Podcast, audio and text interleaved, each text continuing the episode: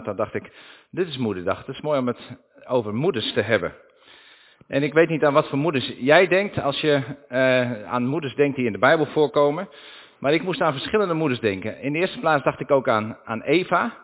Natuurlijk de moeder van ons allemaal. De eerste moeder op deze aarde.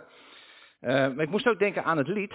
Aan het lied wat over die moeders gaat. Van eens brachten de moeders de kinderen tot Jezus. Misschien ken je die wel. Nou, de zangdienst hebben we gehad, dus ik zal hem niet helemaal gaan zingen. Maar dat is het verhaal van de moeders die de kinderen bij Jezus brengen.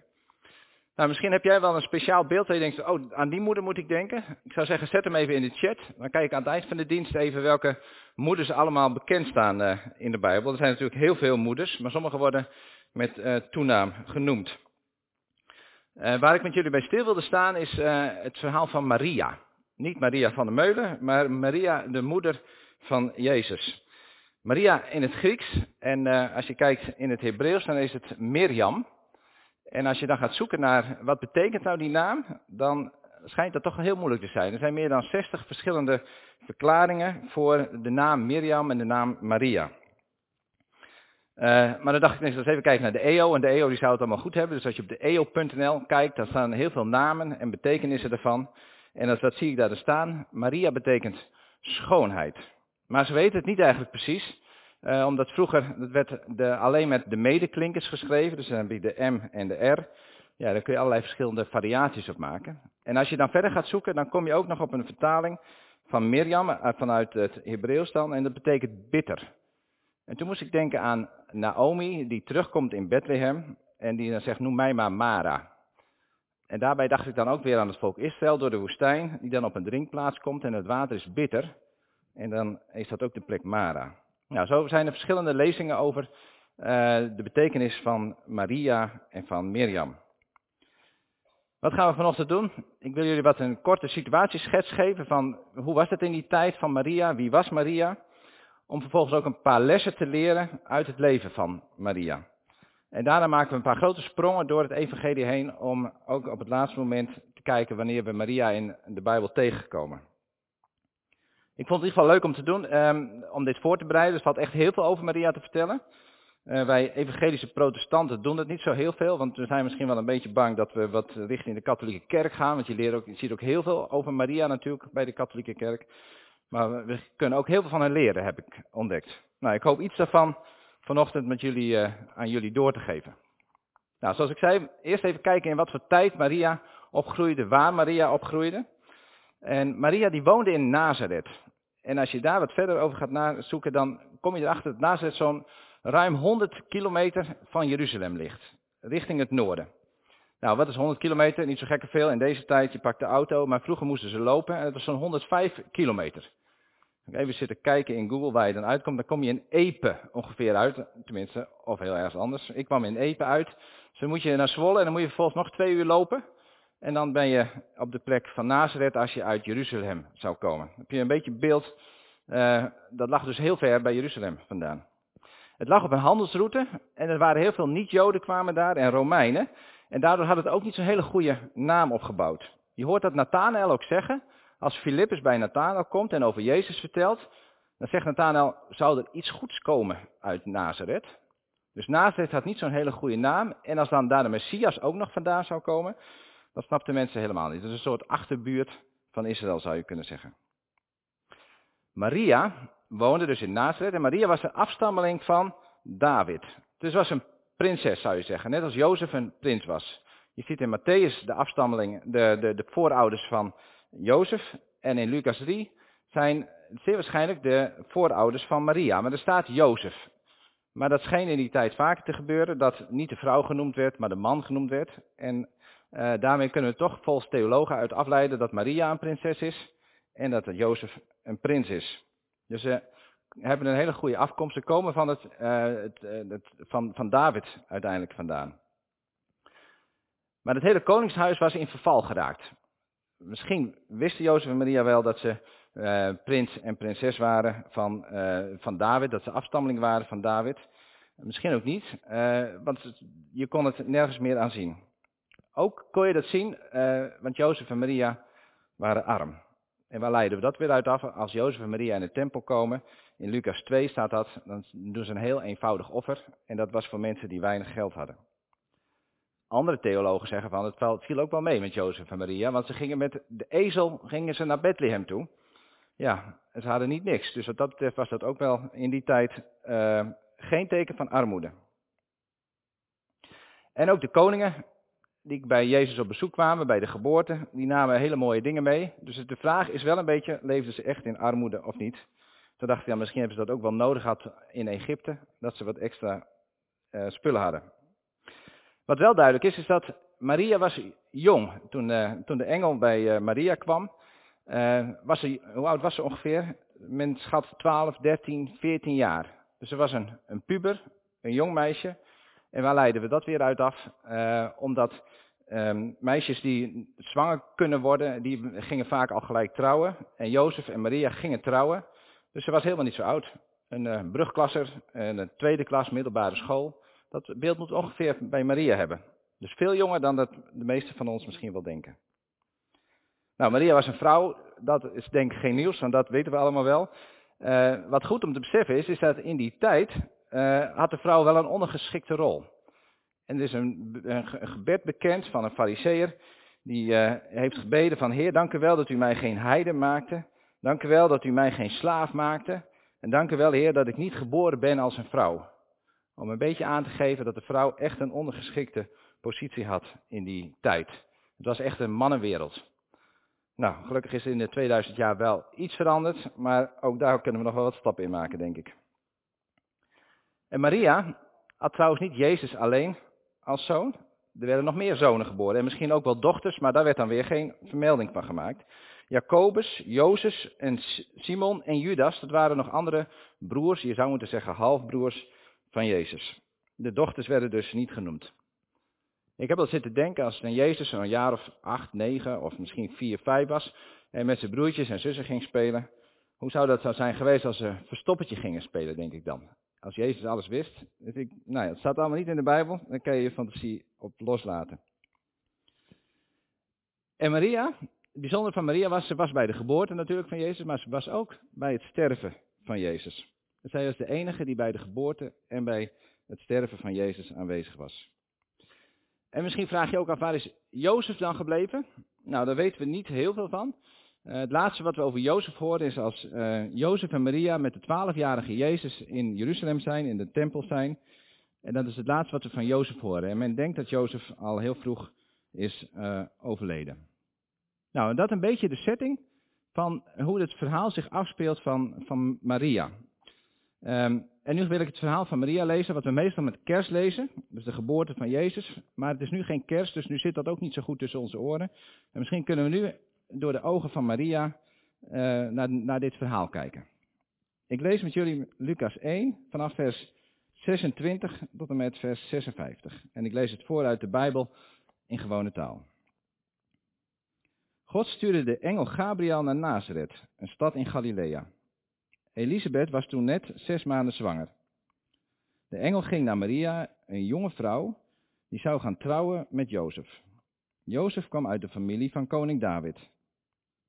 De engel zei tegen Maria, ik groet je Maria, God heeft jou uitgekozen, hij zal bij je zijn. Maria schrok van de woorden van de engel. Ze vroeg zich af wat hij bedoelde. Toen zei de engel tegen Maria, je hoeft niet bang te zijn Maria, God heeft je uitgekozen voor iets moois. Je zult zwanger worden en een zoon krijgen. Je moet hem Jezus noemen.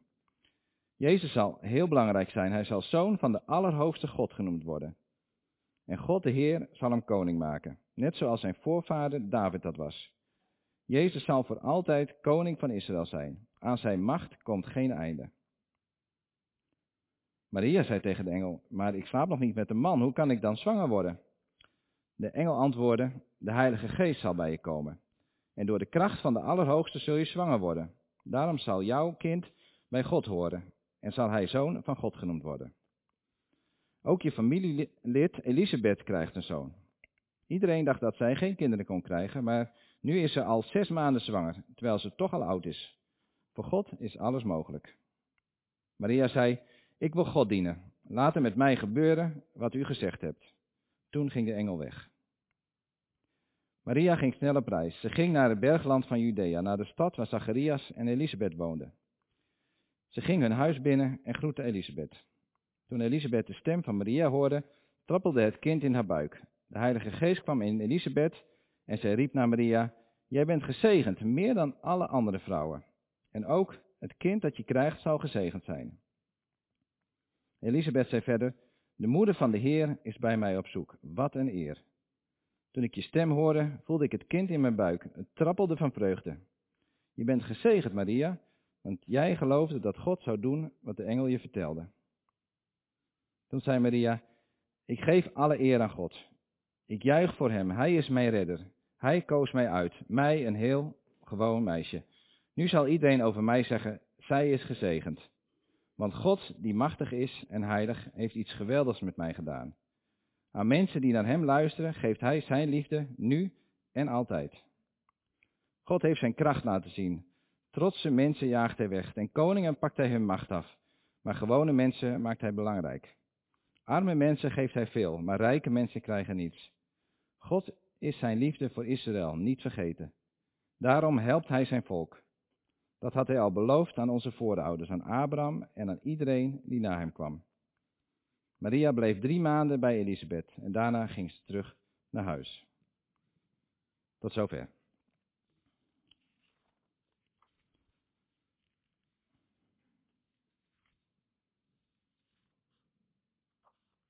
Ja, dacht dat ik het andere blaadje nog moest hebben.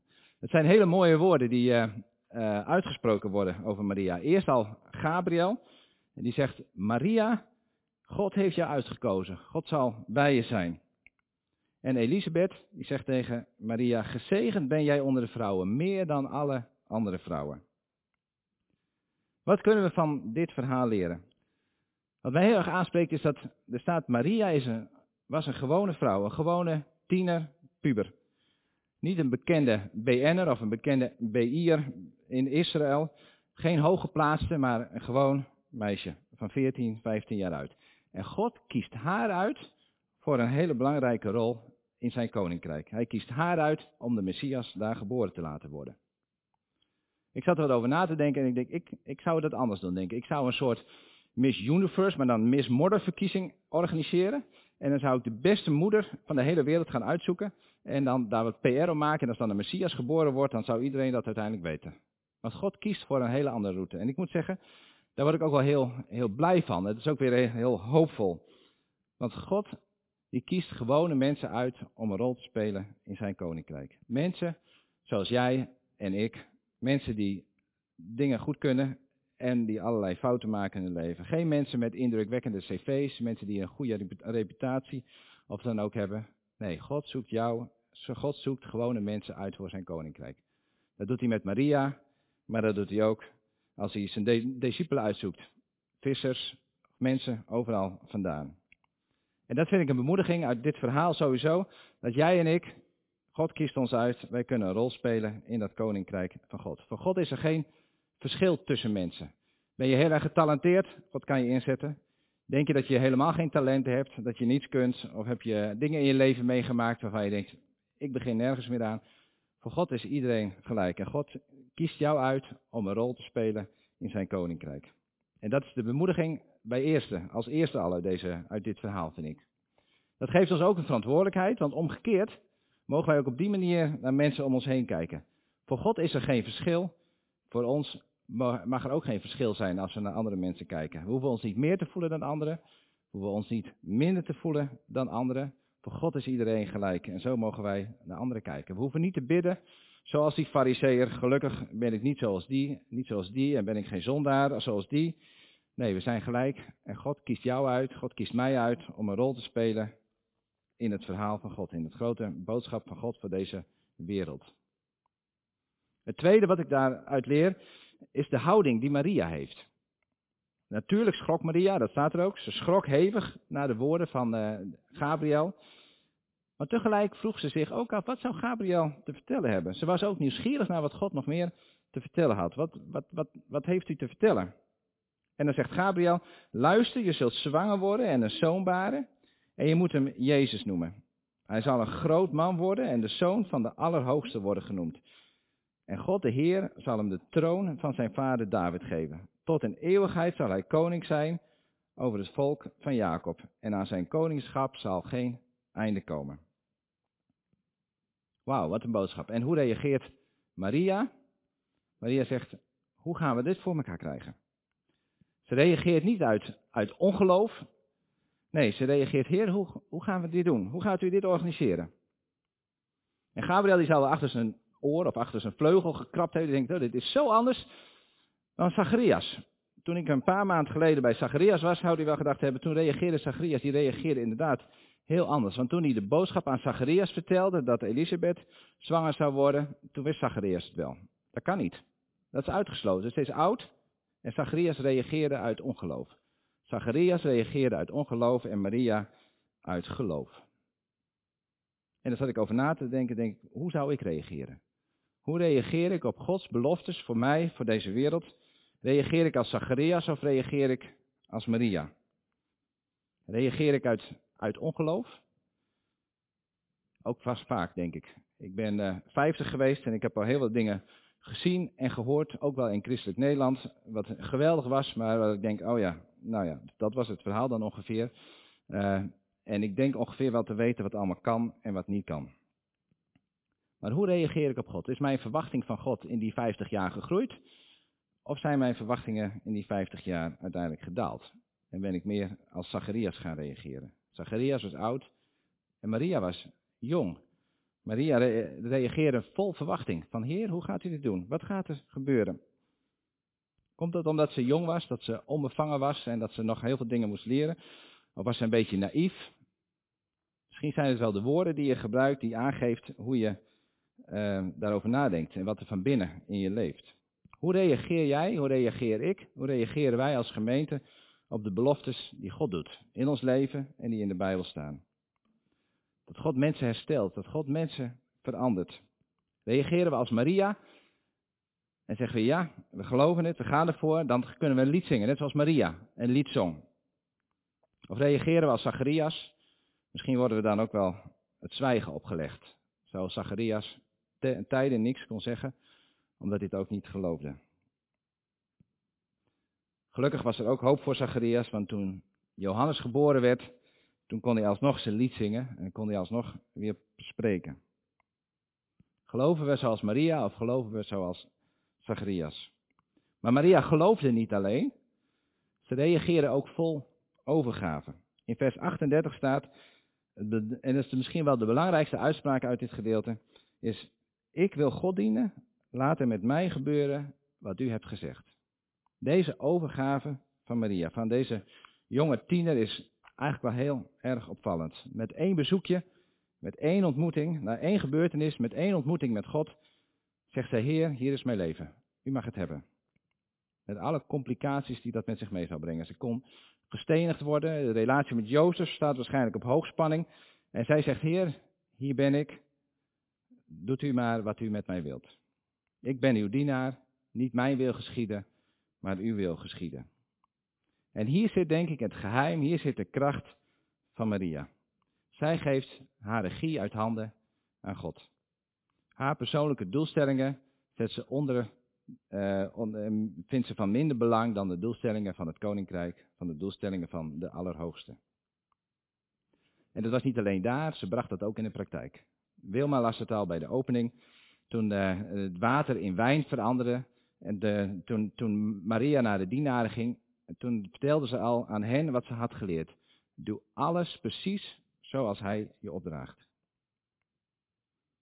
En dan is die vraag ook bij mij en bij jou en bij ons hier vanochtend in deze kerk. Zeg ik dat na? Zeg ik deze woorden Maria na? Zeg ik, Heer, hier ben ik. Zend mij.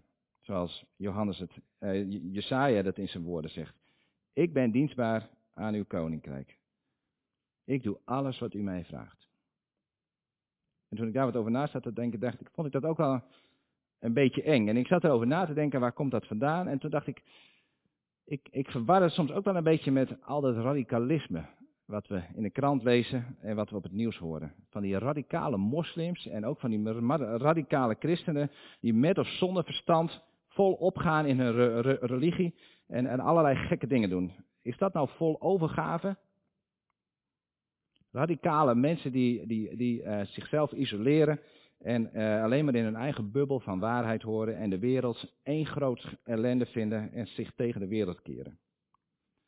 Als ik het verhaal van Jezus hoor, als ik naar het leven van Jezus kijk, dan is die overgave op een hele andere manier. Die boodschap van Jezus is wel radicaal, uh, maar op een hele andere manier. We worden wel radicaal andere mensen, we gaan anders denken.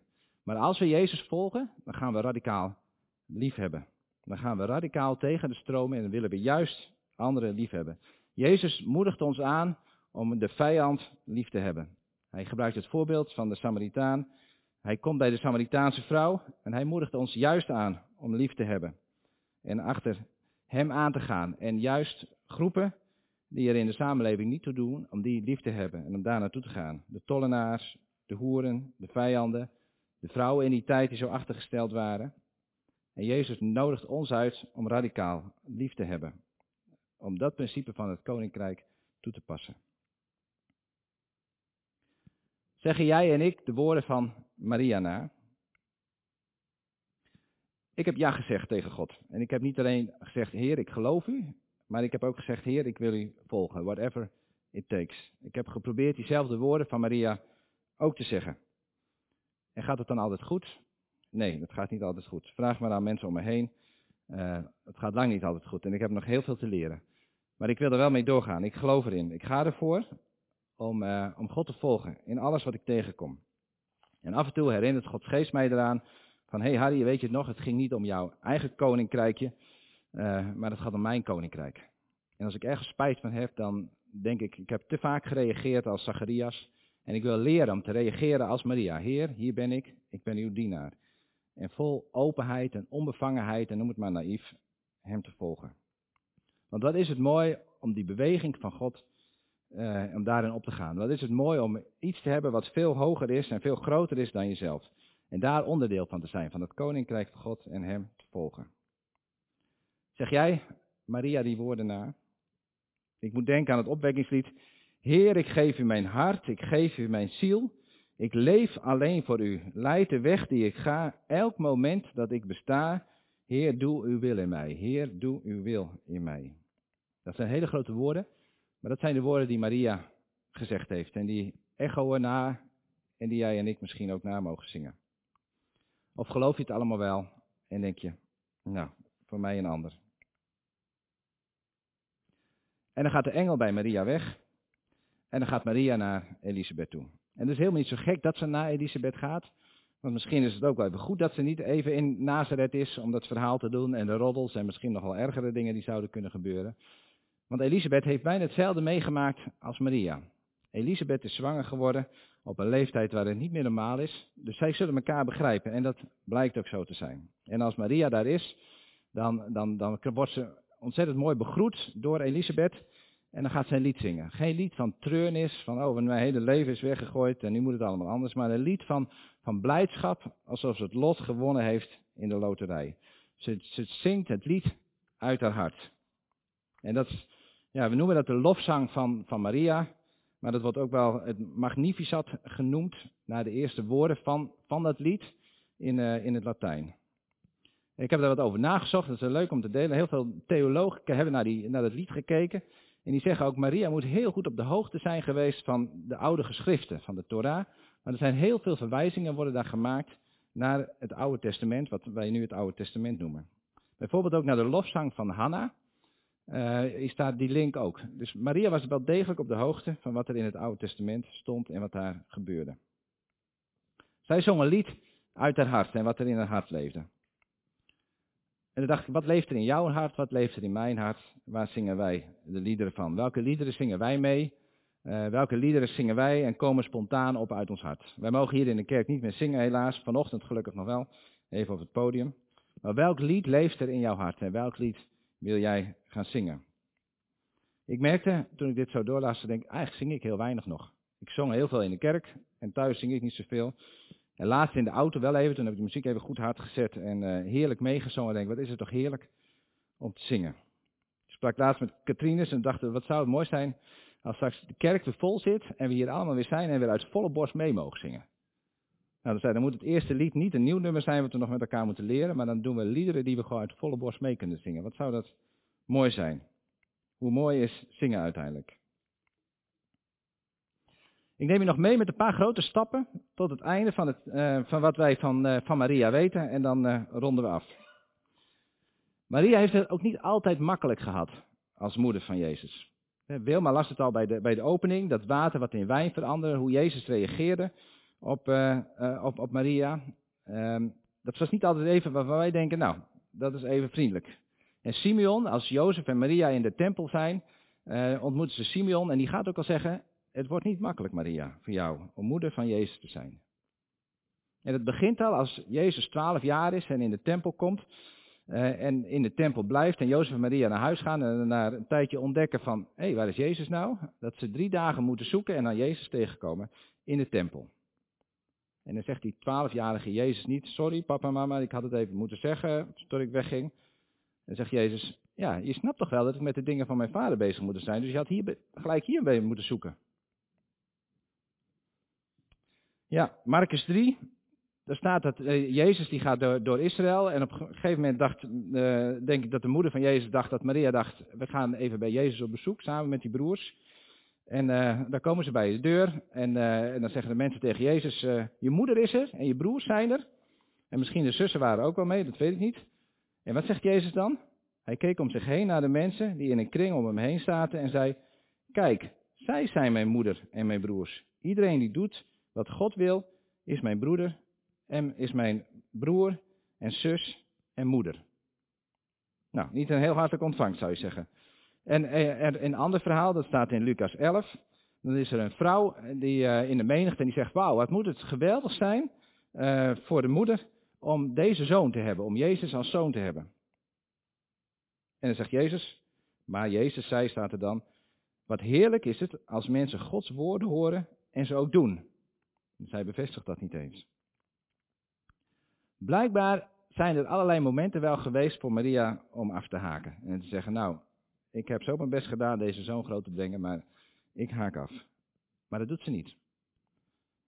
We snappen Jezus niet altijd. Ook in ons eigen leven gebeuren er dingen waarvan we denken, Heer, als u nou anders had gereageerd, of als u nou überhaupt had gereageerd, wat zou het dan geweldig en mooi zijn geweest. Dat Jezus dingen zegt, dat we dingen horen, dat we God niet snappen, over wat hij zegt of wat hij soms niet doet. Ik kan me ook wel situaties herinneren. Ik dacht, heer, als u nu ingrijpt, dat is voor u een peulenschil. Wat zou dat goed zijn voor het koninkrijk? Wat zou dat goed voor uw PR zijn? Wat zou dat goed zijn? En dan blijft het stil. De hemel als beton. En die moment zou Maria ook gehad hebben. Maar ze haakte niet af. Ze ging door. En als Jezus dan aan het kruis is, dan ziet hij Maria. En dan zie je hoeveel hij haar lief heeft. En dan zegt hij, Johannes, zie je moeder. En tegen Maria, Johannes, het is je zoon. En zo draagt hij Johannes op om uh, voor Maria te zorgen. En dan komen we uit in handeling. De laatste keer wanneer het over Maria gaat. En Maria moet dan zo'n 45, 48 jaar oud zijn geweest. Het is hemelvaart en dat vieren we aanstaande donderdag. En na de hemelvaart gaan de discipelen naar een huis. En in het huis gaan ze bidden in Jeruzalem. En wie is er ook? Daar is de moeder van Jezus ook. En zij bidden dagen achter elkaar, totdat het Pinksteren wordt en de Heilige Geest komt. Het begint te waaien, in het verhaal gaan we straks lezen met Pinksteren. En dan komt de Heilige Geest, die wordt uitgestort en de Geest komt in alle gelovigen. En ik denk, wat zou dat een mooi moment voor Maria zijn geweest? Dat de Geest van Jezus weer in haar komt. En wat zou ze dat herkend hebben? Wat zou ze Jezus herkend hebben in haar leven? En ik denk, wat is dat een mooi slot van Maria, die als tienermeisje uh, een moeder wordt van Jezus en nu eindigt met Gods geest, met de geest van Jezus in haar eigen leven. Een bijzonder verhaal van Maria. Een eenvoudige tiener die heeft gezegd, Heer, ik wil u volgen, wat het ook me kost. En daarmee is ze een van de bekendste moeders geworden uit de geschiedenis.